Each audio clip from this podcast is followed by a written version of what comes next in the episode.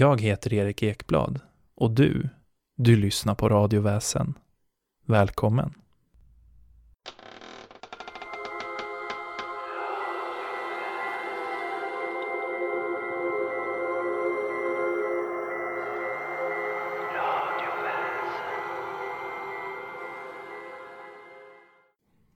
Skogsrået, eller Skogsfrun som hon också kallas, är ett av våra mest kända väsen. Det är också så att när vi talar om huldran eller skogsnymfen så är det ofta den här skogens härskarinna som vi faktiskt syftar till. Skogsrået är precis som namnet säger ett rå eller en rådare som råder eller vakar över våra skogar och alla de varelser som lever här. I avsnitt 1 av Radioväsen pratade vi om gruvor och gruv eller bergsrået som istället för att vaka över skogen vakar över berg och dess rikedomar. De här två är alltså nära besläktade med varandra men härskarinna över två helt olika domäner. En annan betydande skillnad från gruvrået är att skogsrået är vad man brukar kalla ett erotiskt naturväsen. Det finns många sägner och berättelser inom folktron där hon använder sin skönhet för att locka till sig främst män för att leda dem vilse i skogen eller för att förföra män som hon fattar tycke för. De män som hade haft sexuellt umgänge med skogsrået sades bli inåtvända, både i form av att de höll sig för sig själva, men också att de var tystlåtna och hemlighetsfulla. Anledningen till det här sades vara att skogsfrun behållit mannens själ som en trofé efter deras umgänge. Det berättas om hur jägare som haft en relation med skogsrået och sedan träffat en kvinna av vår värld drabbats av olycka i jakt för resten av sitt liv, eller också hur de förlorat förståndet. Och det här vittnar om att skogsfrun inte är någon man ska vara otrogen mot. Det är faktiskt så att fram till 1779 så var det olagligt att ha sexuellt umgänge med naturväsen likt skogsfrun. Det här med anledning av att kyrkan ansåg att det här var ett tecken på att man hade haft samröre med djävulen eller Satan. Och en del av de som anklagades för det här fick tyvärr sätta livet till i samband med de stora häxprocesserna i Sverige. Det ska sägas att skogsrået egentligen faktiskt inte är något elakt naturväsen, men hon kunde jävlas och hämnas på de som hade varit orätta mot henne. Det finns berättelser om hur barn som kommit vilse i skogen sedan när de har återfunnits berättat om hur en vacker kvinna både hållit dem torra och varma och hållit dem mätta tills dess att de har blivit funna. Samtidigt beskyllde skogsfrun för att ligga bakom en mängd olika försvinnanden av folk som varit ute i skogen. Jägare som träffat skogsfrun och visat henne både respekt och värdighet kunde få god jaktlycka. Medan de som hade varit orätta för skogsfrun och som skogsfrun blåst i gevärspipan hos var fördömda att alltid missa sitt mål på jakt. Dagens avsnitt är lite speciellt. Det är faktiskt så att det inte bara innehåller ett samarbete, utan två. Förstår ni vilken förmån det här är? Först ut kommer ni få höra tre stycken kapitel ifrån boken Bortrövad i skogsfruns våld med författare Wilhelm Sundbom och illustratör Jonas Sjöblom. Boken är den fristående uppföljaren till Bortrövad, Fånge i berget och är fylld av Willes fantastiska berättelser som har sitt ursprung i den svenska folktron och som Jonas illustrerat på ett balanserat och tilltalat sätt.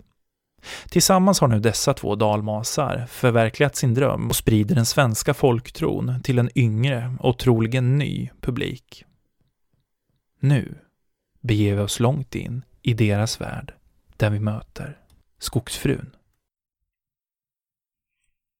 Kapitel 1 Ensam på ängen Li öppnade ögonen och kisade mot solen. Marken under henne kändes mjuk och varm. Några stora vita moln svävade fram över himlen i långsam takt. Hon tog ett djupt andetag och drog in den varma sensommarluften.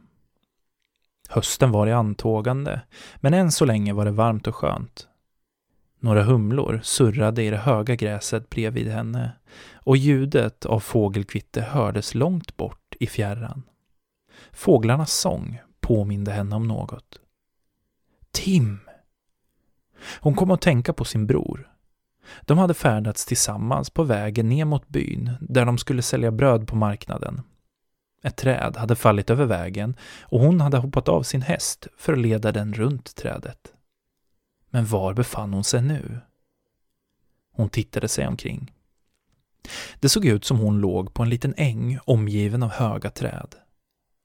Gräset på marken lyste grönt i solskenet.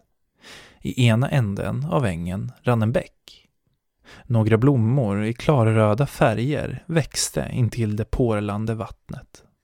Li rätade ut kroppen. Den kändes stel. Hur kom det sig att hon låg helt ensam i en skogsglänta? Hur länge hade hon legat här?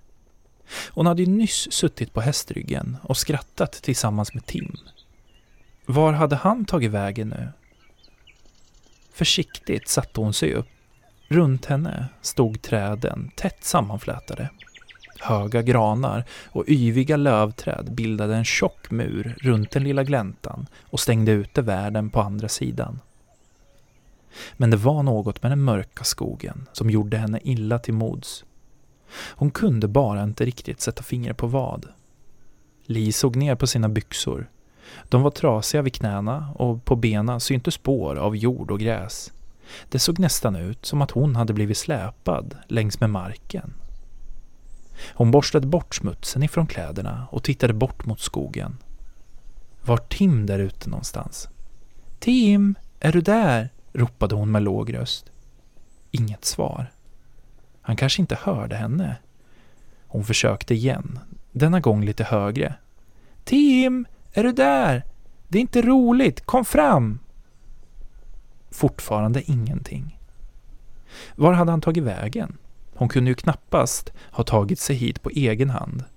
Någon måste ha lagt henne här på ängen. Frågan var bara vem och varför. Plötsligt såg hon någonting som rörde sig inne bland träden. En liten skugga kilade kvickt mellan trädstammarna och stannade intill en stor gran. Li kunde inte riktigt urskilja figuren i den mörka skogen. Det enda som syntes var varelsens gula ögon som stirrade intensivt på henne. Hon gnuggade sig i ögonen. Var det en dröm? Tänk om hon fortfarande låg i sängen och sov. Hon tog ett djupt andetag och drog sig i kinden. Aj! Nej, det var ingen dröm. Hon satte försiktigt ner händerna i marken och ställde sig upp. De gula ögonen var kvar. Varelsen inne bland träden satt blickstilla och verkade inte vilja släppa henne ur sikte. Det var något besynnerligt med figuren inne i skogen. Varför ville den inte visa sig? Var den rädd för henne? Borde hon vara rädd för den? Nej, om den hade velat skada henne så hade den kunnat göra det medan hon sov. Det såg snarare ut som om den väntade på något. Li såg sig omkring. Skogen runt gläntan kändes mörk och hotfull. I hela sitt liv hade hon och Tim levt i skogens närhet och hon hade alltid känt sig trygg där. Men den här skogen kändes annorlunda. Väldigt annorlunda. Hon skulle precis gå bort till den lilla bäcken för att dricka vatten då ett högt ljud hördes ifrån skogen. Varelsen med de gula ögonen ryckte till och försvann in bland träden. Li vände blicken mot platsen där hon hade hört ljudet och upptäckte en stor grå uggla som satt på en av grenarna. Ugglan såg på henne med sina stora, runda ögon. Det såg nästan ut som att den ville säga henne något. Innan hon hann fundera mer på saken svepte plötsligt en kraftig vind över ängen som fick de höga träden att vaja fram och tillbaka. Först långsamt, sedan allt snabbare. Li visste inte vad hon skulle tro. Det såg nästan ut som om skogen framför henne bugade sig. Som om träden ville visa vördnad mot någon eller något där inne. Hon tog några steg bakåt och stirrade storögt mot skogsbrynet. Någonting var på väg att hända. En kyla spred sig i hennes kropp när träden plötsligt böjde sig åt varsitt håll och bildade en portal i skogen. Ut ur mörkret kom en kvinna med långt rött hår och en grön klänning. Kapitel 2 Dröm eller verklighet? Så du har vaknat nu? sa kvinnan med det långa röda håret. Hennes röst var mild och varm. Den lät nästan som en viskning. Li tittade osäkert på kvinnan som nu rörde sig fram över den lilla skogsgläntan mot platsen där hon befann sig. Kvinnan hade en vacker grön klänning med silverglänsande mönster som sträckte sig ända ner till marken. Li hade aldrig sett en liknande klänning tidigare. Kvinnan som nu var på väg mot henne såg vänlig ut, men det var något med henne som ändå gjorde Li kall inombords. Hon visste inte vad hon skulle svara. Hade kvinnan väntat på att hon skulle vakna? Vem är du? frågade Li försiktigt. Vem jag är spelar ingen roll, svarade kvinnan. Hon ställde sig framför Li och sträckte ut sin hand. Plötsligt var det som om skogens alla ljud försvann. Inga fåglar kvittrade, inga träd vajade i vinden och inga insekter surrade i gräset. Jag behöver din hjälp, sa hon och såg på Li. Kvinnans ögon såg inte mänskliga ut. De påminde snarare om ögon på ett djur, kanske en räv. Min hjälp, sa Li med darrande röst. Jag vet ju inte ens vad jag är. Du är i min skog, sa kvinnan med det röda håret och pekade ut över ängen. Du har legat och sovit på min äng i en hel dag, men mina vänner har vakat över dig. Tack vare dem har ingen annan kommit åt dig. Va? Va? Vad menar du med dina vänner? sa Li och såg frågande på kvinnan. Den grönklädda kvinnan sträckte ut sin arm och pekade bort emot skogen. Li kunde se siluetterna av en samling djur inne bland träden. Hon gnuggade sig i ögonen. Var det verkligen inte en dröm? Det är ingen dröm, sa kvinnan, som om hon kunde läsa Lis tankar. Jag behöver din hjälp och det börjar bli bråttom. Vad menar hon? Behöver kvinnan med det röda långa håret hennes hjälp? Var det därför Li hade hamnat här på ängen? Men om kvinnan tagit henne hit måste hon veta var Tim också tagit vägen. Var är min bror Tim? frågade Li. Vi var på väg till marknaden i byn när vi såg att ett träd fallit ner över vägen. Det är det sista jag minns. Sen vaknade jag här på ängen. Trollen tog honom, svarade kvinnan, som om det var den mest självklara saken i världen. Li skrattade till. Trollen? Det finns inga troll förutom i sagorna, sa Li och skakade på huvudet. Var det här något slags skämt? I så fall var det inte roligt längre. Inte, sa kvinnan med ett leende. Är du verkligen säker på det, flicka? Li såg sig omkring. Hon kände att hon ville ta sig härifrån. Bort från kvinnan. Bort från gläntan. Hon ville hitta Tim. Men hur skulle det gå till? Den rödhåriga kvinnan hade sagt att det var hennes skog. Vad menade hon med det? Hon suckade. Det fanns ingenstans att ta vägen. Hon visste ju varken var hon befann sig eller åt vilket håll hon skulle gå. Att göra det som kvinnan bad henne om var troligtvis den enda chansen om hon ville ta sig ifrån gläntan. Men att Tim skulle ha blivit tillfångatagen av troll. Antingen skojade den grönklädda kvinnan eller så var hon alldeles förvirrad. Li kände sig plötsligt arg. Om du vet var min bror finns, kan inte du berätta det för mig? Jag tror inte på troll, så det är ingen idé att du försöker lura mig. Det är mycket du inte vet, flicka, sa kvinnan och tog ett steg fram. Hon var nu så nära att Li skulle kunna nudda henne om hon bara sträckte fram armen. Li såg sig nervöst omkring. Den rödhåriga kvinnan skrämde henne fanns det verkligen ingenstans att ta vägen. Tänk inte ens tanken, sa kvinnan. Om du vill hitta din bror så är det bäst att du följer med mig. Hon ropade något på ett språk Li inte förstod och klappade ett par gånger i händerna. Som på en given signal flög den stora grå ugglan ner och satte sig på hennes axel. Med ett smalt leende strök hon ugglan över fjädrarna. Mina vänner hör och ser allt som händer. Glöm inte det flicka. Den grönklädda kvinnan klappade återigen i händerna. Den här gången kom en liten räv smygande ut ur skogen. Räven rörde sig sakta över ängen och satte sig ljudlöst på marken intill kvinnan. Li tog ett steg bakåt. Hon kunde inte tro sina ögon. Synen av den rödhåriga kvinnan med ugglan på axeln och räven intill sig var något av det märkligaste hon någonsin sett. Kvinnan var ovanligt vacker. Vacker och farlig. Bodde hon här ute i skogen? Kunde hon verkligen prata med djuren? Den grönklädda kvinnan tycktes märka av Lis förvåning. Tror du inte vad du ser, flicka? I så fall kommer du snart bli mer än förvånad. Detta är nämligen bara början. Hon skrattade högt och klappade på ugglan som lämnade hennes axel och flög iväg. Med ett stort leende vände hon sig sedan om. Li vacklade till. Det var som om hennes hela värld vände sig upp och ner. På kvinnans rygg, där det skulle ha funnits en klänning, syntes istället en stor ihålig trästam. Kapitel 3 Kvinnan med det röda håret Utan att se sig om fortsatte kvinnan över ängen bort mot skogen. Den lilla räven följde henne hack i häl. Li stod förbluffad kvar och såg på henne. Hon hade många gånger hört historier om den varelse som rådde över skogen. Men precis som med trollen så fanns hon väl inte på riktigt. Eller? Kommer du? sa den rödhåriga kvinnan och vände sig om. Li visste inte vad hon skulle svara. Hon försökte dra sig till minnes vad sagorna berättade om skogens och djurens beskyddare. Vänlig och hjälpsam, men även dödligt farlig. Nå, vill du inte hitta din bror?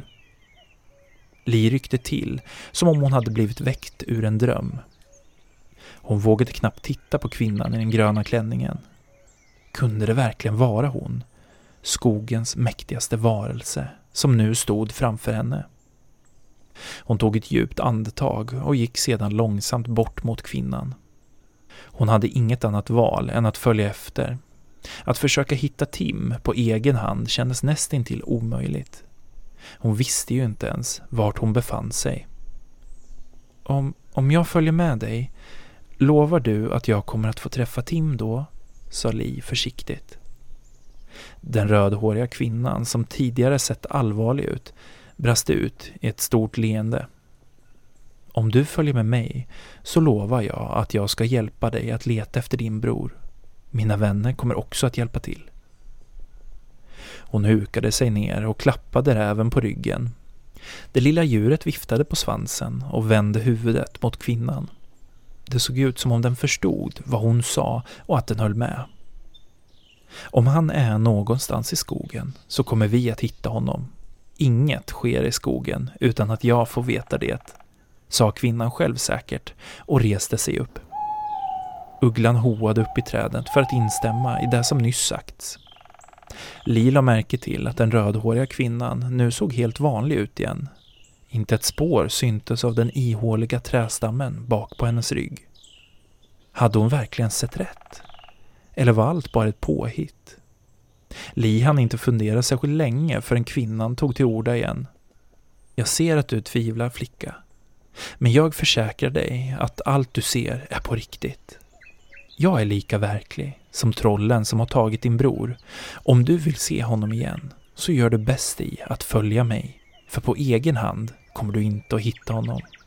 Faktum är att utan min hjälp kommer du inte ens ut ur denna skog. Kvinnan gjorde en vid gest med armen och pekade bort mot träden. I den här skogen är det nämligen jag som bestämmer och ingen tar sig härifrån utan min tillåtelse. Li tittade ner i marken. Den rödhåriga kvinnans utseende hade plötsligt förändrats. Hennes ansikte såg mycket äldre ut och hon kändes inte alls vänlig och hjälpsam längre. Li visste inte vad hon skulle ta sig till. Kanske var det lika bra att bara lyda kvinnan. Hon måste hitta Tim. Inget annat betydde någonting. även om det innebar att hon tvingades följa kvinnan in i skogen. Li suckade högt och sparkade till en sten på marken. Det var ingen idé att vara rädd. Här kunde hon ändå inte stanna. Då skulle hon kanske aldrig få träffa Tim igen. Hon vände sig till den grönklädda kvinnan. Jag följer dig, men jag vill veta en sak först. Vad heter du? Kvinnan med det långa röda håret skrattade till. jag har många namn, flicka. Men du kan kalla mig Skogsfrun. Du har hört de tre inledande kapitlerna av Wilhelm Sundbom och Jonas Sjöbloms bok Bortrövad i Skogsfruns våld, utgiven på förlaget Sunflower Production. Kanske är det här den perfekta julklappen för att inviga den nya generationen i folktrons fantastiska värld. Kanske är den också bra lektyr för oss vuxna. Ni hittar en länk till förlaget på mina sociala medier och på mina sociala medier kan ni också just nu hitta den exklusiva tävlingen där just du har chansen att vinna de två inledande böckerna i Bortrövad-serien. Kasta er omgående på era datorer och surfa in där och följ de enkla instruktionerna till punkt och prickar så är du med och tävlar och har chansen att få hem de här böckerna innan jul. Nåväl, det andra samarbetet är en gammal bekant som ni kanske kommer ihåg så har jag på sociala medier visat att Mirami förlag kommer med en antologisamling med namnet Folktro. Och vet ni? Nu är den här. Äntligen! Boken har en uppsjö av högkvalitativa noveller inom folktro från både etablerade och nya författare och finns nu att införskaffa hos välsorterade bokhandlare som exempelvis WIP Media. Den berättelsen ni kommer få höra idag är skriven av fru förläggare själv, nämligen Kristina Somela Björklund. Ur novellsamlingen Folktro, utgiven på Mirami förlag 2019, presenterar jag nu för er Den vackraste. Johan torkade svetten ur pannan. Snön var blöt och tung och varje spadtag fick musklerna att skrika.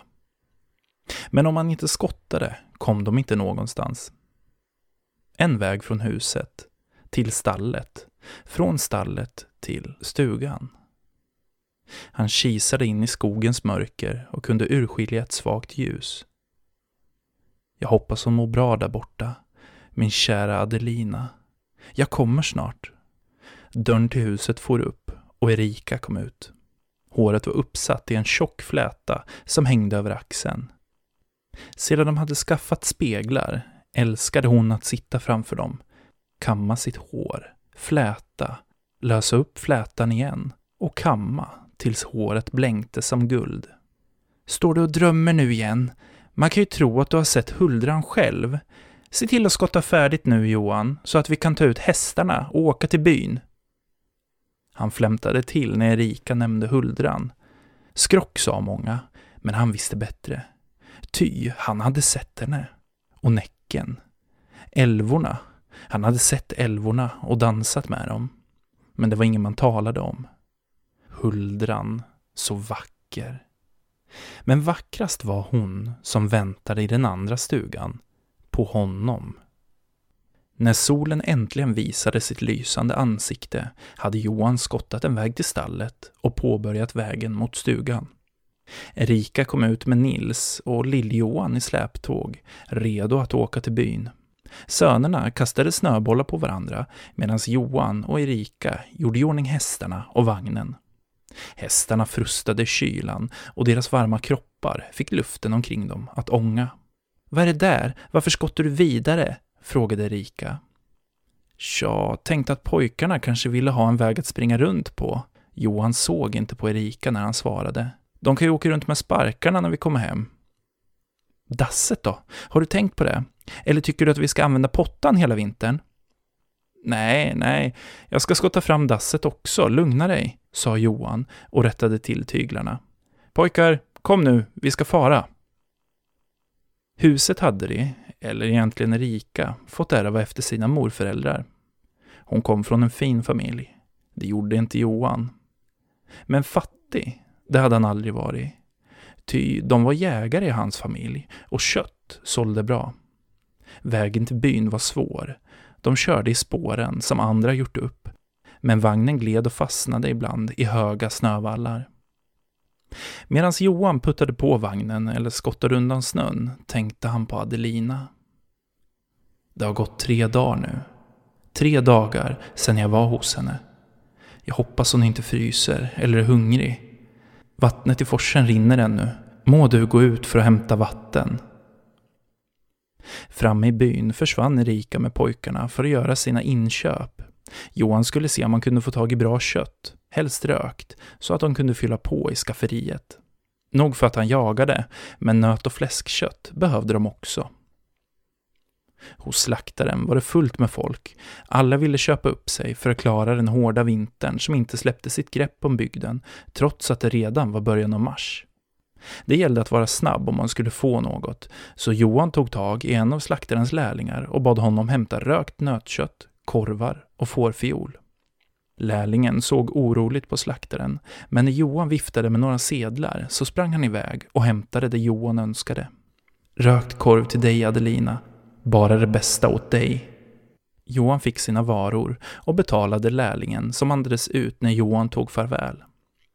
När han kom ut på gatan igen såg han sig om och slog sedan in lite korv, rökt kött och fläsksvål i ett annat papper som han gömde innanför rocken. Han gick ner för gatan mot torget. Kanske kunde han hitta något fint åt henne där. En kall vind fick tygstycken och kläder att fladdra i vinden hos torghandlarna. Vackra färger lyste genom den vita snön och Johan drog sig mot klädesplaggen. Vackra klänningar och sjalar i alla möjliga färger, inköpta i något land långt bort. Kanske från Indien, Kina eller något annat land som han inte ens visste namnet på. Han kände på tyget i en brandgul klänning, drog med fingertopparna över det mjuka tyget. Den här Adelina, den skulle passa dig. Den är alldeles för liten för mig. Dessutom passar färgen absolut inte min hy, Johan. Det vet du väl? Jag ser alldeles för blek ut i gult. Johan hoppade till av Erikas röst och vände sig harklande om. Hennes guldgula hår lockade sig runt ansiktet och fick henne att se ut som en vild, vacker skogsfe. Ja, eh, det har du rätt i. Kanske den här? frågade han och höll upp en röd klänning med broderier. Erika kände på den och höll upp den mot sin kind. Finns det en spegel här? Försäljaren rusade fram med en långsmal spegel. Erika studerade sig själv med klänningen framför sig. Prova några fler Erika, ta den tid du behöver, sa Johan och drog ner den guldgula klänningen från sin plats och gav försäljaren en slant bakom spegeln. Jag ser till pojkarna, Sönerna rusade runt på torgplatsen tillsammans med andra barn och ungdomar. Johan tryckte in klänningen under rocken medan han såg på barnens lek. Efter ett tag kom Erika med en mörkgrön klänning i handen. Hon log stort och gav Johan en varm kyss på munnen. Trots kyssen suckade han och undrade hur mycket tid han skulle behöva tillbringa i skogen för att få ihop nog med kött för försäljning den närmaste tiden. Men om Erika var glad blev stämningen god och hon skulle nog spegla sig hela eftermiddagen. Då fick han tid att gå till stugan. Till den vackraste. Han fick rätt. Så fort de kom hem och de hjälptes åt att lägga köttet i den svala jordkällaren rusade Erika in och stängde in sig i sovrummet för att kunna spegla sig i lugn och ro. Pojkarna var trötta efter stadsturen och hade somnat i soffan i vardagsrummet. Johan såg till så att det fanns eld i spisen och la en filt över dem innan han gick ut i det isiga vintervädret. Vägen till stugan hade långsamt börjat snöa igen. Johan suckade. Nu längtade han till våren, då blommorna slog ut och den vackraste kunde dansa i solens strålar. Han kom fram till stugan skakade av sig snön och knackade innan han öppnade dörren. Han väntade en stund och såg sig om, in i den mörka skogen. Något fick hans näsvingar att darra en aning och ett lätt illamående steg upp i halsen. Adelina, min vackra flicka, var är du? Tassande steg hördes och hon uppenbarade sig ur stugans mörka vrår. Ögonen var uppspärrade och händerna som sträckte sig mot honom darrade en aning. Men hon var så vacker, lika vacker som sin mor. Min vackra flicka, vad är det? Varför ser du så rädd ut? Han slöt flickan i sin famn. Hans vackra dotter, vars mor hade förtrollat honom med sin skönhet. Skogsfrun, den vackra huldran. Det dundrade i marken när du var borta, far. De kom nära stugan. Jag kunde känna dem. Medan hon talade svängde hennes röda svans fram och tillbaka av oro. Johans misstankar, det han känt där ute, fick magen att dra ihop sig. Han darrade en aning, men försökte att inte visa sin oro för Adelina. Vilka det? De som tog mig. Jag är säker. De söker mig fortfarande och tänker ta mig tillbaka. Nu snyftade hon. Ingen ska ta dig ifrån mig, Adelina. Du är säker här. Jag är aldrig långt bort. Han höll henne på en armlängds avstånd och betraktade henne. Eftersom han visste att ingen såg det han såg och att Adelina själv inte såg det han såg gömde han henne här i stugan. Inte en spegel fanns i stugan. Inget blankt föremål som hon kunde se sin spegelbild i. Kom, jag har med mig mat åt dig och en klänning. Motvilligt släppte hon honom och följde efter till det lilla matbordet där Johan packade upp korv, rökt kött och den vackra klänningen. Åh, till mig? Är den till mig? Sa hon och smekte det mjuka tyget. Får jag ta på mig den nu? Johan nickade och log mot hennes glittrande ögon. Ett styng av dåligt samvete högg igenom. Samvetet över att Adelina var tvungen att vara själv i stugan och över att hans familj inte visste om henne. Men han ryste. Om Erika skulle få reda på att Adelina fanns så skulle hon ta pojkarna och flytta hem till mor sin. Se far, sa Adelina och kom tillbaka från sitt sovrum. Johan vände sig om och drog en suck av lycka. Så vacker. Så vacker att det gjorde ont. Vad fin du är. Den passar dig perfekt, sa han och höll ut en hand så att hon kunde snurra runt i den vackra klänningen. Adelina fnittrade förtjust. Svansen doldes under klänningens tjocka tyg. Får jag på mig den hela kvällen? Johan nickade och tog fram två tallrikar och la upp mat åt dem. Se så, ät nu. Han var glad att hon glömt bort det hon var rädd för. Själv kände han dock en gnagande oro som åt på honom, likt en råtta som gnagade på loftet. När de var färdiga berättade han en saga för henne och snart hade hon somnat mot hans axel. Han bar in henne i sängen och la en extra filt över henne. Innan han lämnade stugan såg han till att det fanns nog med ved, la in några extra vedträn i spisen och gick sedan därifrån med hängande axlar. Det lyste i huset, så Erika hade förmodligen slutat att spegla sig och förhoppningsvis gett pojkarna kvällsmat. När han kom in i huset hörde han hennes röst ifrån vardagsrummet. Han fann henne i soffan med en son på vardera sida. De hade dragit en filt över sig och pojkarnas ögonlock hängde tunga. Men Huldran, skogsfrun, ska ni akta er för. Ser ni en vacker kvinna i skogen, tunt klädd och lockande, så gå genast därifrån. Ty hon är inte vackrast i verkligheten. Det är hon som förtrollar er blick för att hon ska få det hon vill ha. Hennes rygg ser ut som en urholkad trädstam och under kjolarna gömmer sig en luden rävsvans. Men det låter inte som någon vacker kvinna, sa den äldsta sonen Nils. Inte skulle jag se åt henne. Du ser bara hennes skönhet om hon vill åt dig, min vän. Har du någon flicka kär förvandlar hon sig till henne och lockar på dig tills hon får det hon vill. Erika såg på Johan som hade stannat upp i dörren och lyssnat på hennes berättelse. Visst är det så, Johan, man ska akta sig för skogsfrun? Jo, det ska man. Han såg ner i golvet och vände sig om för att Erika inte skulle se att hans kinder antog en djupt röd färg. Och trollen, sa Lill-Johan, hur är det med trollen? Stora och fula och stinker så att du kastar upp allt du har ätit, i alla fall trollen här ikring. De tar gärna barn och för dem till sina grottor. Kvar lämnar de sina egna trollungar för att de ska få en bra uppväxt hos oss människor. Men de flesta troll ser ut som vi, förutom att de har en svans. Men varför är trollen här i skogen så smutsiga? frågade Nils. Smutsiga? Varför tror du att de är smutsiga? sa Erika. Om de stinker, då är de väl smutsiga? Trollen ska ni akta er för, ungar, sa Johan, högre än vad han hade tänkt, vilket fick Lill-Johan att snyfta till och krypa ihop in till Erika.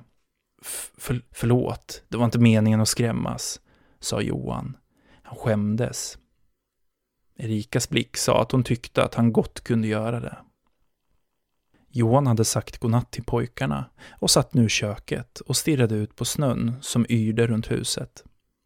Han kunde inte se något ljus ifrån stugan och hoppades att Adelina inte frös eller kände sig ensam och rädd. Hans tankar vandrade till våren, då, när bäcken porlade, knopparna syntes på träden och vårens alla dofter fyllde hans sinnen, mådde han som bäst. Eller midsommar, när han kunde dansa med älvorna och hela skogen kändes magisk. Han suckade. Sitter du här och drömmer igen? Man kan nästan tro att du inte vill vara här hos mig längre. Erikas röst fick honom att hoppa till. Jag... Eh, jo, jag längtar efter våren. Inget annat. Erika såg på honom med en blick som han varken kunde eller ville tyda. Men hennes ord sa sedan allt. Du kanske kan komma och värma dig i min säng, Johan. Det var länge sedan nu. Är jag inte god nog åt dig längre? Johan skämdes för andra gången den här kvällen. Visst var hon god nog åt honom, hon var till och med väldigt vacker. Men hans tankar fanns hos någon annan. En kvinna som han inte kunde sluta tänka på. Hon, vars barn han gömde i stugan, som han älskade, som om hon vore hans egen dotter. Kvinnan som kommit till honom i skogen och lovat honom allt och hela sin kropp. Men det var länge sedan och Erikas kropp var också vacker, trots tre barnafödslar. Ja, en hade de förlorat, en dotter. Din tvekan tar jag som ett nej. Erikas röst dröp av besvikelse. Nej, det, det menar jag inte. Men vi ska väl inte ha några fler munnar att mätta? frågade Johan och såg på sin fru med så oskyldig blick han kunde åstadkomma. Erika stirrade på honom och knäppte samtidigt långsamt upp klänningen. Under var hon naken och Johan drog in ett högljutt andetag. Hennes kropp var vinterblek men yppig. De rundade höfterna och de stora brösten fick honom att stirra på henne med hungrig blick. Nå, kanske vill du värma dig hos mig ändå? I takt med Erikas snabbare rörelser när hon red honom ökade stormens styrka utanför. En varg ylade i natten och dess ljud blandades med Erikas kvidanden när hon kom strax efter honom. Johan smekte hennes svettiga rygg och kysste hennes hår. Han borde skatta sig lycklig. Det var inte alla som hade en fru som Erika. Men under akten hade hans tankar varit hos kvinnan i skogen huldran som förfört och förtrollat honom.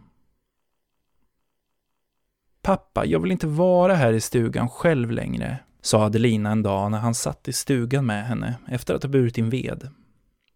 Våren var nära nu. Han kunde känna det i luften. Jorden vaknade och jobbade för att värma de rötter som skulle börja gro igen. Men min vackra, du är inte ensam. Jag är ju hos dig så ofta jag kan. Han skar upp en bit ost och lite torkat kött som han la på en tallrik och serverade henne. Ur en hink skopade han upp vatten åt henne i ett glas.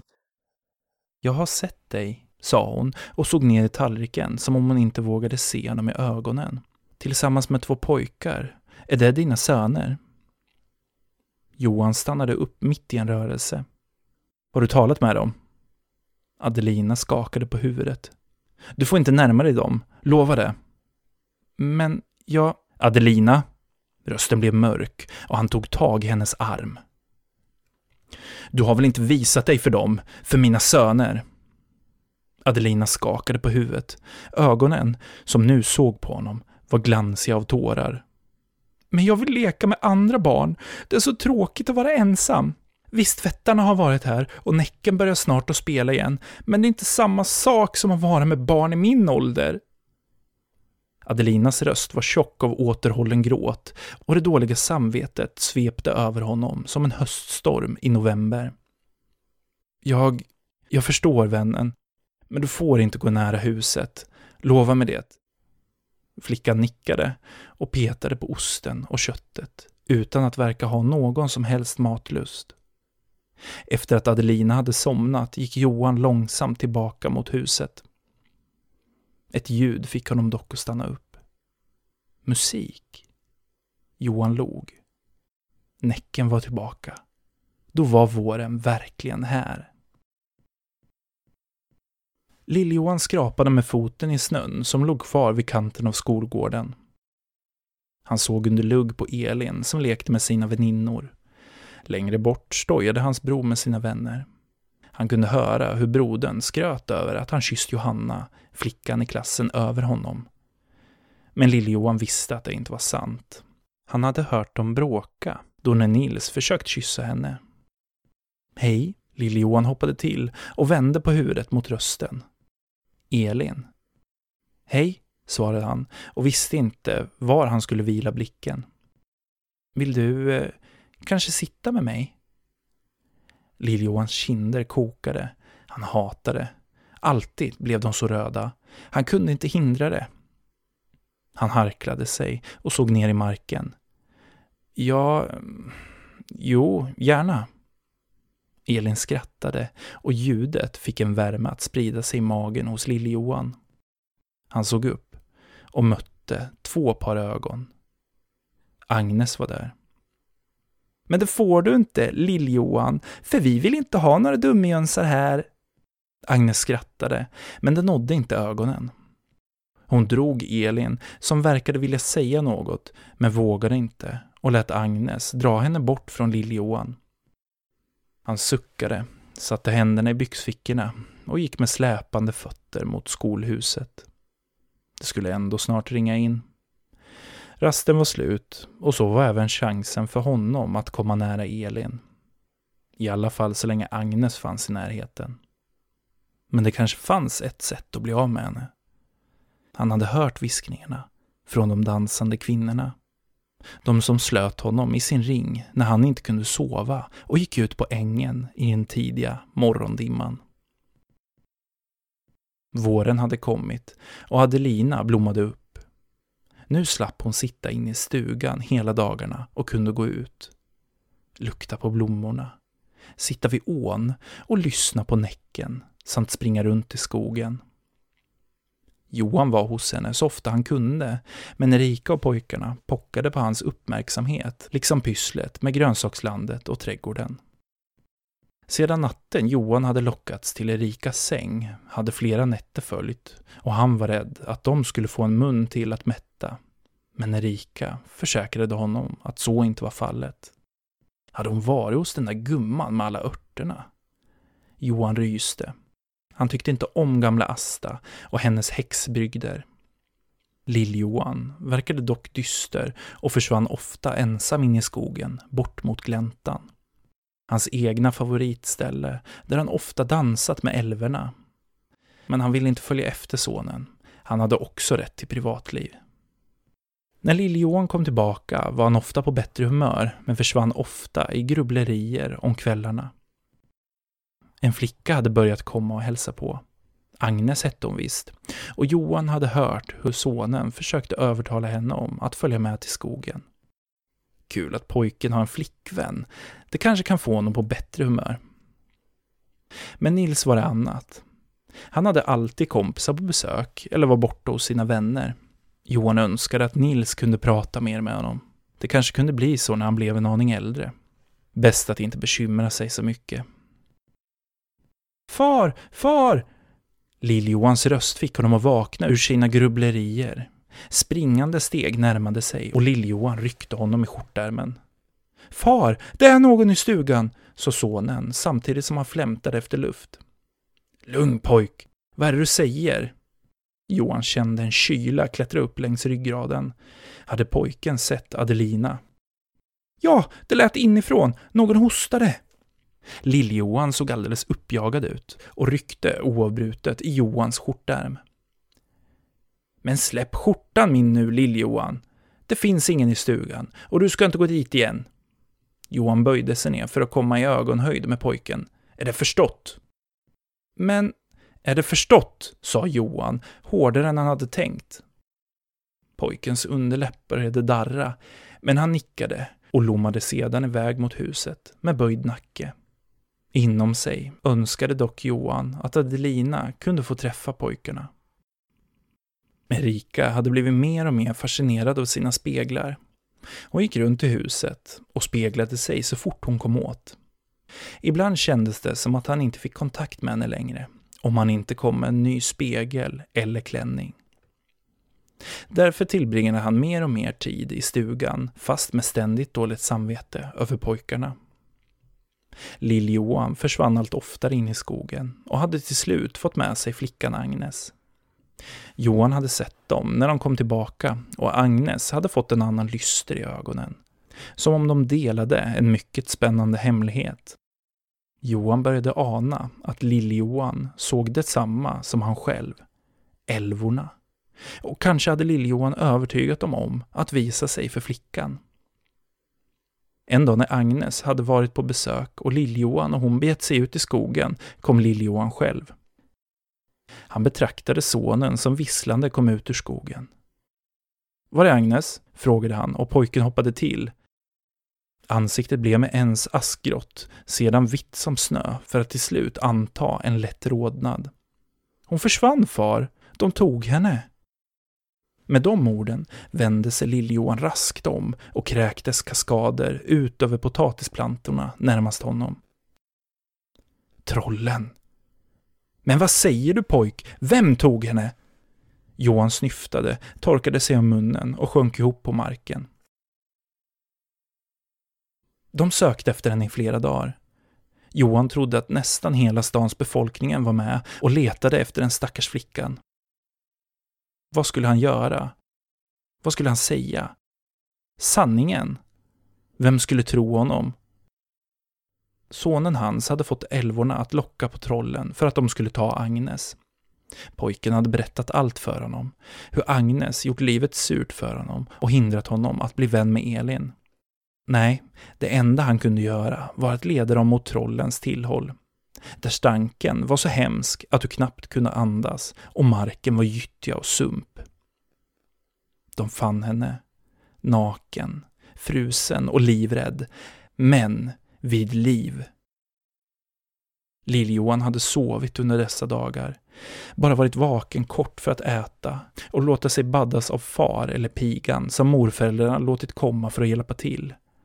Mor kunde inte lämna sina speglar länge nog för att sköta om honom. Vad hade han gjort? Agnes var borta, men han kände ingen lycka över det. Inte hade han varit i skolan heller för att träffa Elin, utan Agnes, så vad hade allt spelat för en roll? Med en djup suck vände han på sig i sängen och stirrade in i väggen. Agnes uppspärrade ögon flimrade framför hans, så som hon sett ut när trollen kommit, och hon skrikande lyftes upp i luften och försvunnit i trollens våld. Älvorna hade sett på honom med mörk blick, menade att han lurat dem. Nu hade han ingen längre. Om inte Elin... Nej, kanske var hon ledsen över att Agnes hade försvunnit. Lill-Johan, de fann henne, Fars röst och springande steg hördes. Han satte sig upp i sängen och stirrade på far som kom in i hans rum, följt av en piga som grät. Hon är vid liv och hemma nu. Far satte sig på sängkanten och strök honom över håret medan han viftade åt pigan att ge sig iväg. Det du gjorde var fel, men huvudsaken är att hon är återfunnen. Nu har du lärt dig din läxa och jag tror inte du kommer göra om det här, eller hur? Han nickade och kramade far. Det var inte alla som hade en sådan snäll far som han. En far som såg det han såg, kände det han kände och visste vad som fanns i skogen, på ängen och i älven. Trots att de aldrig talat om det förrän nu visste han att far visste. Han återvände till skolan. Agnes var inte där. Elin stod ensam vid kanten av skolgården. Och nu hade han sin chans. Med långsamma steg närmade han sig Elin. De andra barnens röster på skolgården hade försvunnit. Allt annat rum runt honom fanns inte längre. Hans ögon såg bara Elin. Flickan med de blå ögonen, svarta håret och röda läpparna. Det som han så gärna skulle vilja pussa, så som han sett Nils kyssa flickan han var kär i. Elin såg upp och rakt på honom. Lill-Johan stannade och stirrade tillbaka. Elin log. Hej, sa hon. Hej, sa Lill-Johan och vågade närma sig ytterligare. Vill du vara med mig? frågade Elin och Lill-Johan såg på hennes underbara röda läppar. Han svarade inte, utan pussade henne bara på munnen. Det som han längtat efter så länge. Nils hade berättat för honom hur det var att kyssa en flicka. Att det smakade som solvarma smultron. Han hade rätt och skulle gärna vilja smaka mer. Hon fnittrade. Sen tog hon hans hand och de sattes på en bänk vid skolgårdens kant. Lill-Johans mage fladdrade och hjärtat slog hårt i bröstet. Äntligen var hon hans. Efter det satt de tillsammans varje rast och Lill-Johan följde henne hem varje dag efter skolan. Mor och far klagade över att han kom så sent hem och inte gjorde sina sysslor som han borde. Men han brydde sig inte. De fick klaga så mycket de ville. Han hade en flickvän och var så lycklig. Ändå lockades han ut i skogen om nätterna ibland. Men numera lät han inte älvorna sluta sig om honom i sin ring, utan han betraktade deras dans till Näckens musik. Log och andades in nattens dofter, tänkte på Elin och det pirrade i hela kroppen. Johan betraktade sonen som satt på stenen och såg på älvernas dans. Han log inom sig och funderade på hur han skulle tala med sonen om skogens väsen. Det fanns ju ett väsen han skulle akta sig för, även om Johan själv fallit dit, bländad av hennes skönhet. Men han förstod att pojken var kär.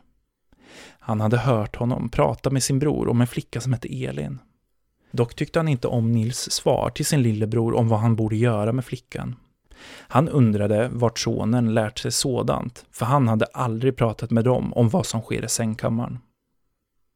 Hade tyckt att det var alldeles för tidigt. Men var det kanske dags nu?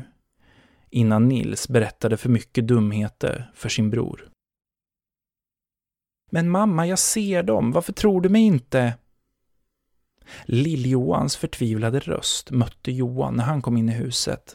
Han hade varit hos Adelina och hjälpt henne att vårstäda stugan. De hade hängt ut lakan och filtar, dammat golv, hyllor och möbler. Han låg för sig själv när han tänkte på hur Adelina skurat golvet medan hon sjungit på vackra visor hon lärt sig av Näcken. Hennes röst var som pärlande vatten och värmde gott i hjärtat. Vad är det som pågår här? Frågade han när han kom in i köket där Lill-Johan satt uppflugen på köksbänken medan Erika rörde hastigt i en gryta. Toksonen din säger sig se älvor, Näcken och troll i skogen, sa Erika och fnös medan hon kastade i en nypa salt i grytan. Men det är sant far, jag ser dem. Det gör du också, det vet jag ju. Johan ryckte till och ångrade innerligt att han inte talat med sonen om detta. Då skulle han inte ha den här diskussionen med sin mor. Erika, som inte trodde på några sagor, inte såg ett enda väsen som rörde sig i stallet eller i skogen, som skrattade åt honom när han ställde ut gröt åt tomten på julafton. Erika stirrade på honom och han förstod att hon väntade på ett svar. Ehm, kom pojk, så får vi prata lite. Mor din vill inte veta av skogens väsen. Men du berättade ju om dem i vintras. Du sa att vi skulle akta oss. Just det, ni skulle akta er för dem, inte leta upp dem, för det finns inget gott i dessa väsen. Det säger jag dig, min son. Lille Johan såg på honom med blanka ögon och Johans hjärta var nära att brista. Han sträckte fram handen åt sonen som hoppade ner från köksbänken och som lät Johan sluta sin hand om hans. Snart tretton, men ändå så mycket barn kvar, tänkte Johan när han ledde ut sonen från köket till soffan. Far, varför talar du inte om sanningen för mor, att vi ser dem? Jag vet att du ser dem också. Lill-Johans röst skar sig en aning och Johan förstod att målbrottet var nära. Så liten, men ändå så stor. Det får vara mellan dig och mig, en hemlighet. Mordin ser inte det vi ser och hon tror inte på det heller. Men hon berättar ju för oss om trollen, skogsfrun, älvorna, ja, om andra väsen också. För att ni inte ska bege er ut i skogen själva och gå vilse.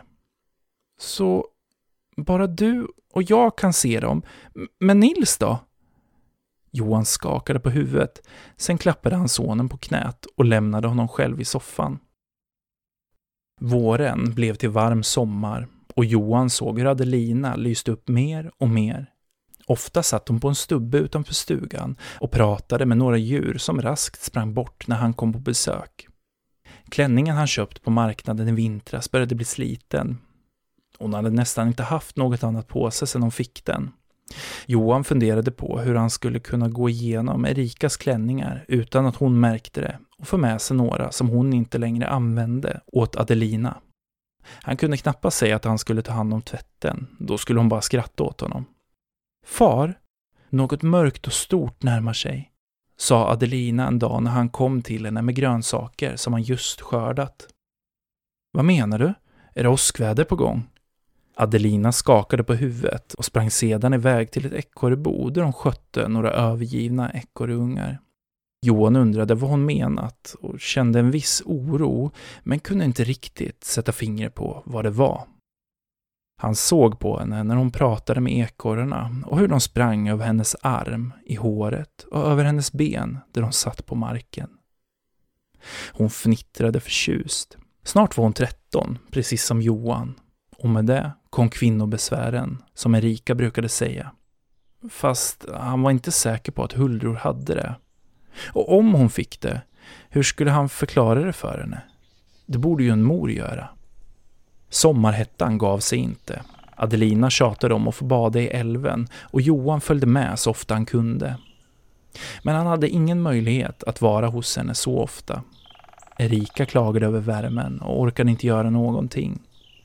Pojkarna var nästan aldrig hemma längre och hjälpte till alldeles för lite med det som behövde göras i huset och på gården. Minsann, huset hade de fått ärva, men ingen tjänstepersonal. Nej, de behöll Erikas föräldrar för sig själva för de tyckte att Johan kunde jobba. Han kom ju från en arbetarfamilj utan tjänstepersonal. Då kunde han fortsätta med det. Dubbellivet började tära på honom och oron över det som Adelina ständigt sa, att något mörkt och stort närmade sig, fick honom att känna sig enormt trött och hjälplös. Hur skulle han kunna försvara henne? Inte heller förklarade hon vad hon menade, som om hon bar på en hemlighet som hon inte fick tala om för honom. En fruktansvärt het sommardag skedde det som inte fick ske. Johan krattade i grönsakslandet för att få bort ogräset han just rensat och för att kunna avreagera sig en aning. De hade ätit mat hos familjen Jarlsson. Denna familj var en av de få vänner som Erika hade kvar från sin barndom. En välbärgad familj. Herrgård med sjötomt. Maten hade varit utsökt. Erika stortrides och till och med pojkarna hade verkat nöjda med att få ett eget bord tillsammans med Jarlssons tre barn.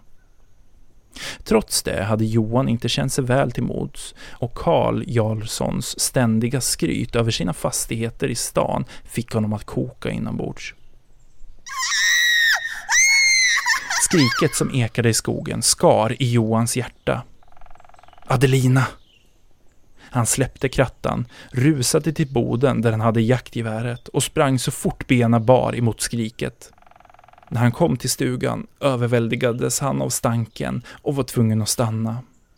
Finmaten de ätit hos Jarlssons sprutade ut genom munnen på honom och landade i blåbärsriset, allt medan han tänkte på Adelina. Han ville ropa på henne, skrika så att trollen stannade av ren skräck. För det var trollen som hade hittat henne igen. De hade varit det mörka hon pratade om, det som närmade sig.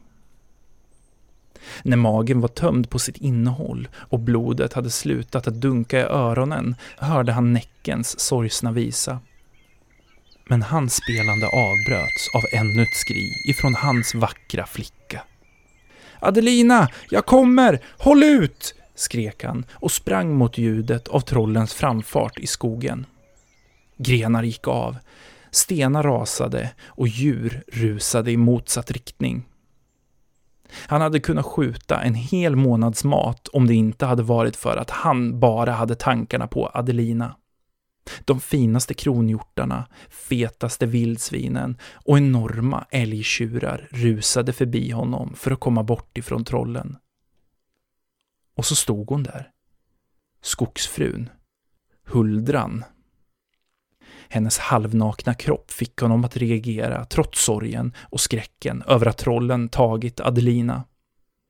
Han stannade upp och stirrade på henne. Du räddar henne, annars ska jag se till att din familj får olycka över sig för resten av deras sorgsna liv. Hon fräste fram orden. Johan stirrade på henne. Hur kunde någon vara så vacker? Han förlorade sig i minnen av deras älskog som om hon kunde läsa hans tankar sa hon. Hon är inte din. Johan stirrade på henne. Inte min? Adelina var inte min dotter. Flickans skrik ekade i skogen och Johan ryckte till. Det spelar ingen roll om hon inte är min. Jag har låtit henne leva hos mig, som om hon vore min egen dotter. Och det tänker jag låta henne fortsätta att göra, skrek han och rusade iväg efter trollen. Hon har blivit kvinna nu. Det är därför de tar henne tillbaka, vrålade Huldran. Hans vackra flicka. Hur hade hon vetat att det skulle ske? Skräcken över att förlora henne grep om hans hjärta som en snara. Pulsen dunkade i huvudet och magen vände sig av stanken ifrån de vidriga trollen. Han hade räddat henne ifrån dem en gång tidigare och nu tänkte han göra det igen. Han närmade sig trollens ingång till deras jordhålor. Ty dessa troll var inte som vi, hade inget mänskligt i sig och inte några rikedomar. Dessa troll levde i sump och lera under jord och älskade att röva bort barn, speciellt människobarn. Hur de inte kunde se att Adelina inte var ett barn av mänsklig kropp begrep han inte, ty även trollen var ju väsen elaka, grymma, men ack så dumma. Marken under honom ändrade sig. Skorna sjönk ner i den stinkande gyttjan och färgade skor och byxor grå. Det blev trögt att ta sig fram och odören stack i näsan. Längre fram hörde han trollens steg när de sprang in i sina underjordiska grottor. Adelina skrek igen.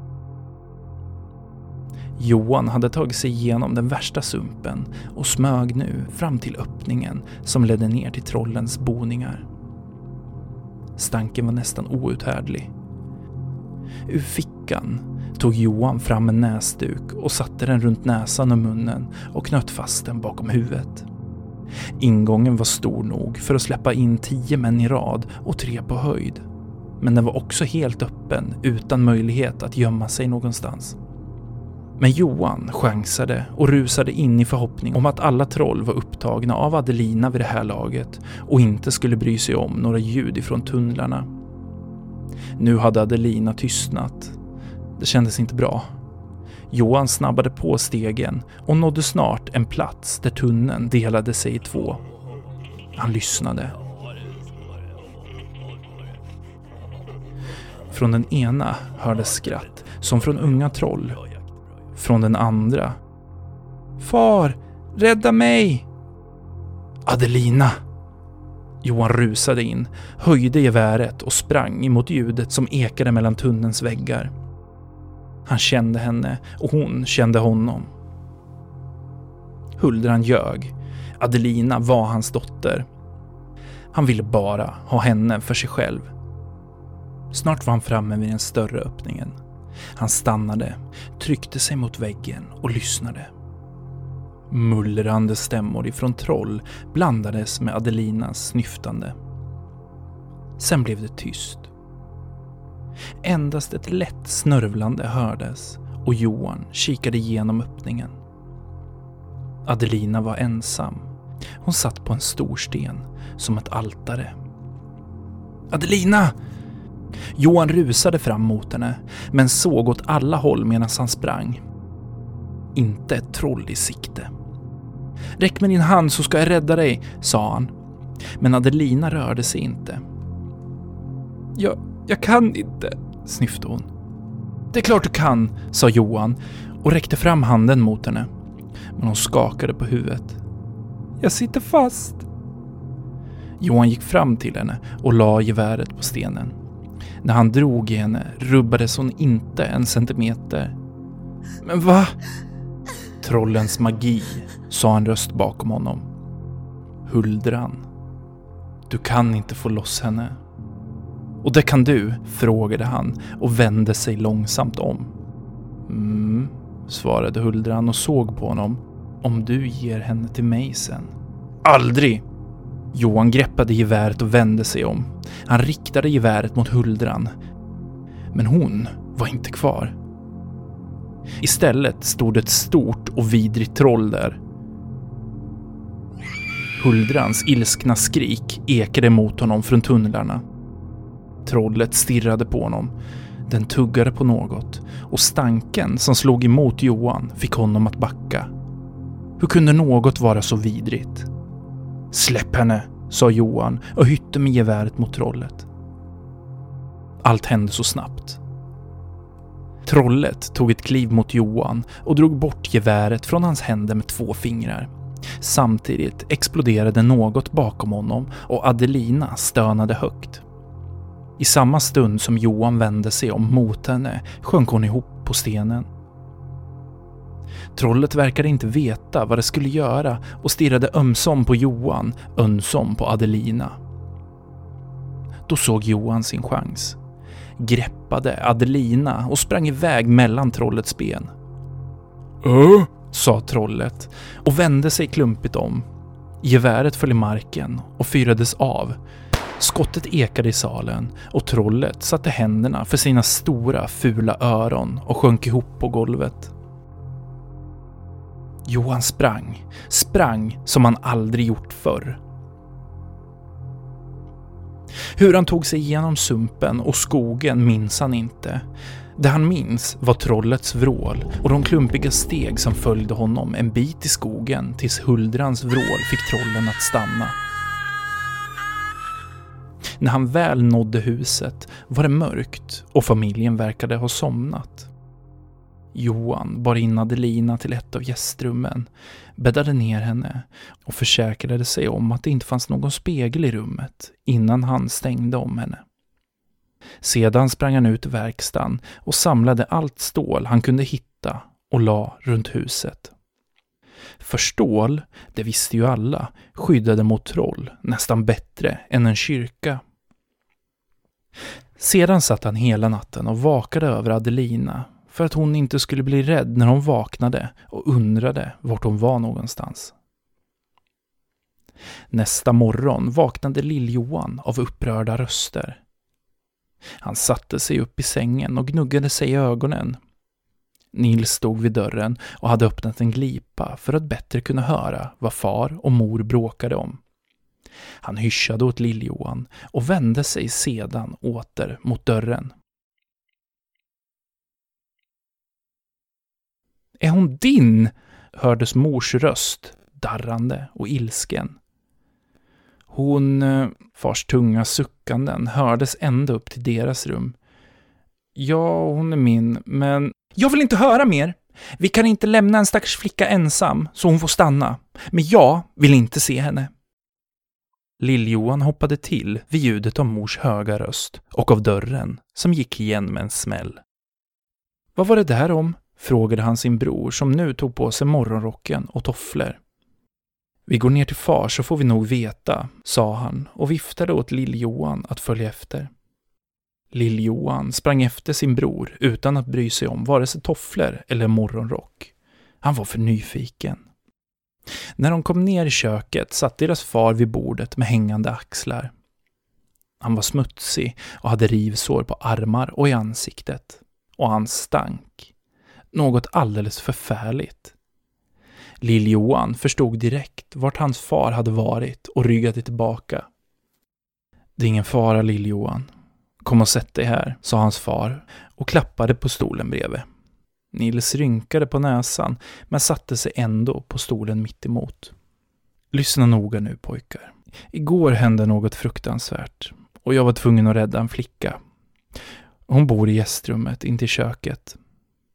Ni får absolut inte gå in till henne och ni får under inga omständigheter ge henne en spegel. Är det förstått?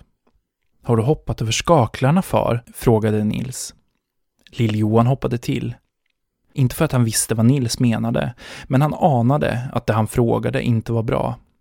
Hans bror hade förändrats på kort tid. I vintras hade de ju suttit med mor i soffan och lyssnat på sagor om skogens väsen. På bara ett halvår hade Nils nästan blivit man. Det tänker jag inte tala med dig om. Jag vill bara att ni följer reglerna och inte berättar för någon om flickan, svarade far och spände ögonen i Nils och sedan Lill-Johans ögon. De hade aldrig sett far så bestämd. Båda nickade. Nå, bra. Gå nu och klä på er, så ska jag göra frukost. När de gick ut ur köket stannade de till framför dörren till gästrummet och lyssnade. Gå upp och klä på er, sa jag. Faderns röst fick dem att skynda på. Lill-Johans tankar snurrade. Vem var flickan i gästrummet? Varför fick de inte träffa henne? Var hon sjuk? Lukten. Far hade varit hos trollen. Hade flickan blivit bergstagen? Lill-Johan rös och önskade att han kunde tala med far. Bara han. Men Nils skulle säkert hänga hemma, lika nyfiken som han själv var på flickan i gästrummet. Johan såg efter pojkarna när de sprang upp till sitt rum. Han misstänkte att de var vansinnigt nyfikna på Adelina, men de fick helt enkelt inte se henne. Så fort de försvunnit upp gick han in till henne. God morgon min vackra, har du sovit gott? sa han och smekte henne över kinden. Var är jag far? Vad hände? Du är mitt hus. Trollen tog dig, men du lyckades ta dig loss ifrån deras magiska kedjor. Men hur? frågade hon och såg ner på sina smala armar. Jag vet inte, vännen, men du använder nog en inre kraft. Viljan att komma bort därifrån kanske. Mor. Vem? Mor var där, eller hur? Min riktiga mor. Johan svalde hårt och såg ner i golvet. Huldran. Hon var Adelinas mor, men hon var inte värd henne. Det vackra, ljuva, men ack så elaka kvinnoväsendet. Adelina var hans och ingen annans. Nej, din mor var inte där. Var fick du det ifrån? Adelina såg på honom med en blick som han aldrig hade sett hos henne förut. Osäkerhet, ilska och tillbakadragenhet. Ögonen skiftade från mörkt bruna till brandgula. Något som bara ett skogsrå kunde göra. Hennes svans slog emot golvet. Glöm det, sa hon och vände ryggen till. Jag ställer frukosten på bordet. Inget svar. Johan gick ut ur gästrummet med tunga steg. Hur skulle det gå nu? Dagarna gick. Veckorna gick. Johan bar in mat till Adelina som vägrade att prata med honom. Den ljuva tiden de haft i stugan var förbi och kvar fanns bara ett skal av den vackra dottern han sett växa upp. Hon saknade skogen, naturen och djuren. Men han kunde inte låta henne gå ut mer än korta stunder om nätterna när familjen sov. Det fanns ingen annan lösning förrän stugan var sanerad och reparerad. Men han visste inte om han vågade låta henne flytta tillbaka ut dit. Trollen fanns ju kvar och de ville säkert hämnas. Flera veckor hade gått sedan flickan flyttat in i gästrummet och varken Lill-Johan eller Nils hade sett henne. Men en söndag, när far sov middag och mor satt och speglade sig som vanligt, smög Lill-Johan ner i köket för att hämta något att äta. Då såg han henne. Hon stod i dörröppningen till mors rum och betraktade mor när hon speglade sig. Lill-Johan hade aldrig sett en så vacker flicka förut. Vem var hon? Och varför var hon fortfarande i deras hus? Var det barnet som far tagit hand om? Det som de inte skulle gå in till, inte prata med, absolut inte ge en spegel. Varför? En sådan vacker flicka vill säkert ha en spegel att prova kläder framför, så som mor gör. För då var mor lycklig. Flickan verkade inte speciellt lycklig, men ens visste han vad han skulle göra. Han skulle skänka flickan en spegel. Innan Lill-Johan hann smyga bort vände sig flickan om och såg honom rakt i ögonen. Flickan log och smög sedan tyst in i sitt rum och stängde dörren. Alla tankar på Elin var bortblåsta. Nu fanns bara hon, den vackraste, i hans tankar. Han rusade ut efter far för att fråga när de skulle åka till marknaden nästa gång. Fram tills dess skulle han spara fickpengar för att kunna köpa en spegel. Dagen kom när de äntligen skulle åka till marknaden. Det hade varit jobbiga veckor för Lill-Johan. I skolan hängde Elin efter honom hela tiden. Aldrig fick han vara i fred. Agnes hade kommit tillbaka och satt blek och darrande i klassrummet. Hon vågade inte gå ut och var tvungen att bli hämtad av en vuxen efter skolan. Hennes blickar på honom var fyllda med hat, rädsla och sorg och det fick honom att känna sig olustig. Han hade snäst åt Elin igår, vilket lett till att hon gråtande sprungit hem. Men han var inte intresserad längre. Nu fanns bara hon, den vackraste. Och idag skulle hon få en spegel. När de kom fram till marknaden rusade Nils iväg för att träffa sina kompisar och Lill-Johan smet iväg innan föräldrarna hann se, för han ville köpa en spegel utan att de visste om det. För de visste ju inte att han hade sett henne, den vackraste. De var på väg hem igen. Spegeln hade Lill-Johan gömt under skjortan. Han var så lycklig och samtidigt nervös över att närma sig flickan. Den som de inte fick besöka och absolut inte ge någon spegel. När de kom hem såg Lill-Johan att Nils gick upp på rummet. Mor gick till sitt rum för att spegla sig i de nyinköpta klänningarna och far gick ut i verkstaden. Lill-Johan satt kvar ensam i köket en stund och lyssnade. Det enda som hördes var mors mumlanden när hon provade klänningarna. Han såg in ljuset från oljelampan som stod på bordet och samlade mod. Sakta smög han ut ur köket och bort till dörren. Där bakom fanns hon. Den vackraste flickan. Och nu skulle hon få se hur vacker hon var. Långsamt tryckte han ner handtaget för att det inte skulle gnissla. Dörren gick upp med ett lätt klick och Lill-Johan stannade upp, såg mot mors rum, men hon varken såg eller hörde något. Han andades ut och öppnade dörren precis så att han kunde gå in. Flickan satt på sängen och såg på honom med något förväntansfullt i blicken. Som om hon väntat på honom. Visste att han hade en överraskning. Hej, sa Lill-Johan. Kinderna hettade och rösten kändes konstigt svag. Hej, sa flickan. Vad, eh, vad heter du? Adelina. Adelina, så vackert. Det är ett vackert namn, sa Lill-Johan och vågade äntligen se på henne. Tack. Vad heter du? frågade hon. Lill-Johan, sa han och kände sig med ens löjlig. Namnet var löjligt. Som far, fast inte riktigt, sa hon. Vad har du bakom ryggen? Lill-Johan höll spegeln bakom ryggen. Han hade inte hittat något presentpapper att slå in den i och hade inte vågat fråga mor om det. Det är en present till dig. Han tog fram spegeln och räckte över den till henne. I samma stund hörde han steg bakom sig och Nils röst. Lill-Johan, vad gör du? Du får inte gå in där. Adelina tog emot spegeln, vände på den då Lill-Johan hade gett henne den med baksidan mot henne. Hon såg förväntansfull ut och Lill-Johan kände ett sug i magen över hur hennes reaktion skulle bli. Bakom honom stannade Nils steg upp och ett kraftigt andetag hördes. Samtidigt som Adelina såg sin spegelbild och började skrika skrek Nils bakom Lill-Johan. Mor! Far! Vi har ett väsen i gästrummet! Flickan är borta! Ett väsen har ätit upp henne! Adelina kastade spegeln i golvet och rusade ut ur rummet. Nils sprang in till mor och Lill-Johan stod som förlamad. Förstod inte vad som hade hänt.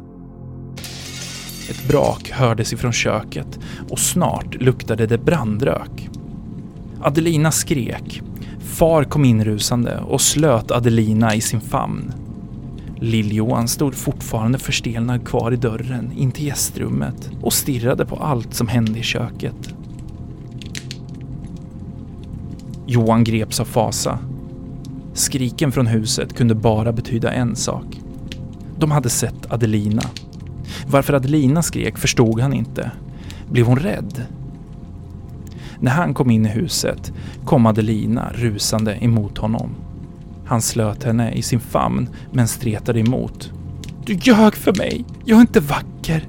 Jag är ett hemskt, fult väsen! Hon slet sig loss och rusade ut. I köket hade oljelampan vält och gardinerna fattat eld.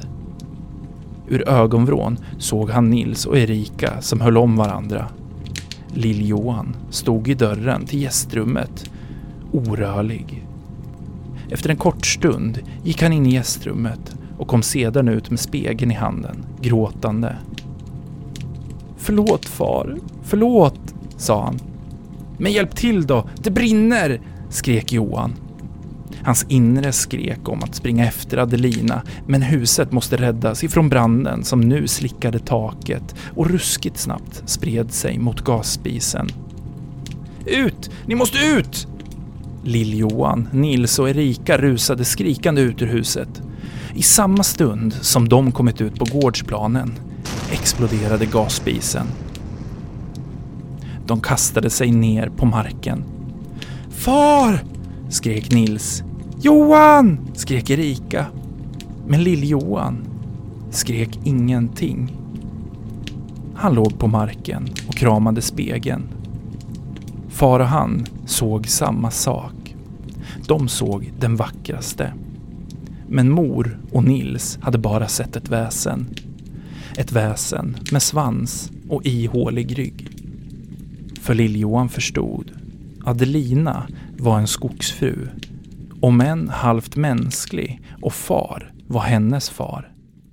Likväl var hon vacker. Den vackraste. Lill-Johan, som nu hette Johan sedan hans far gått bort för tio år sedan, stannade upp. Skogen runt honom var tyst. Träden vajade lätt i vinden. Och den vackra kvinnan vände sig långsamt om, stirrade på honom och blinkade åt honom samtidigt som hon smekte sin halvnakna kropp med ena handen. Moderns röst ekade i huvudet. Men Huldran, skogsfrun, henne ska ni akta er för. Ty hon är inte vacker i verkligheten. Det är hon som förtrollar er blick för att få det hon vill ha. Och vi lämnar nu Huldran, skogsfrun, för den här gången. Tack för att ni har lyssnat på Radioväsen. Om du har en berättelse som du vill ha uppläst i podden, eller kanske en egen upplevelse, så når du mig på radiovasen gmail.com eller på sociala medier där jag heter Radioväsen. På Patreon, som är adressen patreon.com snedstreck radiovasen kan du ta del av förlängda avsnitt. Ett extra stort tack till Emil, Peter och Jane som stöttar podden på Patreon.